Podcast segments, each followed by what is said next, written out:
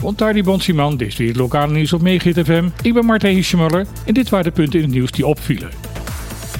Het initiatief van scholengemeenschap Bonaire om afgelopen vrijdag mee te doen aan Paarse Vrijdag is bij een flink aantal ouders verkeerd gevallen.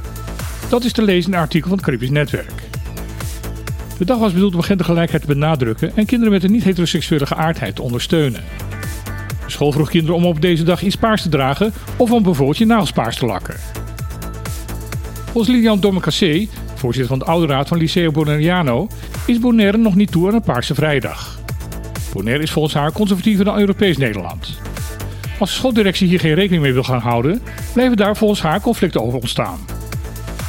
De ouderraad heeft donderdag geëist dat het liceo de actie zou afzeggen. De directie van de school heeft deze eisen niet ingewilligd. Daar zit volgens Domcassé ook de kern van het probleem. De ouders van het liceo voelen zich vaak niet door de directie van de school gehoord.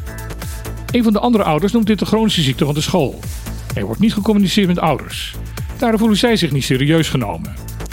Volgens Domcassé had de situatie rondom Paarse Vrijdag anders kunnen verlopen wanneer de schoolleiding eerst daarover had overlegd met de ouderraad. Volgens RIVM zijn er in het Caribisch deel van het Koninkrijk in november 474 meldingen van corona geweest. Dat zijn er 71 minder dan in oktober. Ook het aantal COVID-gerelateerde sterfgevallen ging omlaag. In november waren dat verdeeld over de drie eilanden 5 tegenover 11 in oktober. In de best zijn er sinds eind augustus geen coronadoden meer te betreuren geweest. Ook was op Bonaire het aantal ziekenhuisopnames door corona in november heel laag. Het RIVM spreekt over minder dan 5. Den Haag overlegt vooral met Den Haag of met door Den Haag geselecteerde gesprekspartners.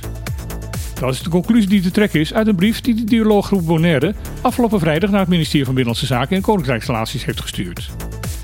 De brief is opmerkelijk fel van toon en is een vervolg op de brief die de groep op 3 november naar het ministerie heeft gestuurd.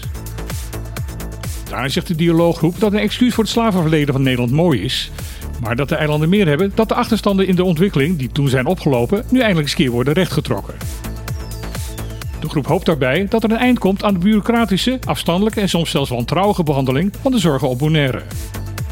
Het antwoord op deze brief door de directeur-generaal van de Koninkrijksrelaties, Raoul Laperre, is bureaucratisch en afstandelijk. Laperre hoopt dat hij de dialooggroep naar de presentatie van de officiële kabinetsreactie verder te kunnen informeren. In de brief van afgelopen vrijdag vraagt de dialooggroep nogmaals niet alleen te focussen op een formeel excuus, maar de nadruk vooral te leggen op de groei en ontwikkeling van de eilanden. De groep benadrukt ook in haar brief dat het alleen kan gebeuren in goed overleg. Maar, zoals de groep zegt, Den Haag overlegt met Den Haag en met door Den Haag geselecteerde derden. En zal ons ter gelegenheid laten weten wat daar de uitkomst van is. De politie van Curaçao zegt dicht bij de oplossing te zijn van de moord op rapper Bucci. Donderdagnacht werd de bekende Nederlandse rapper met Curaçaose roots vermoord bij een trucjepan in Curaçao. Hij was op het eiland voor een aantal optredens en om zijn verjaardag te vieren. Toen Bucci bij de truckenpan wat wilde gaan eten, werd hij vanuit een auto beschoten. De daders namen 100 dollar en een aantal bezittingen mee en vluchtten daarna in de auto waarmee ze waren gekomen. De recherche van Curaçao zegt heel hard aan het werk te zijn om de zaak op te lossen. Er wordt naar verluid daarbij samengewerkt met politieeenheden vanuit Nederland, Aruba, Bonaire en Sint Maarten. Volgens politiebronnen is men dichtbij een beslissende doorbraak in de zaak, maar er zijn nog geen arrestaties verricht.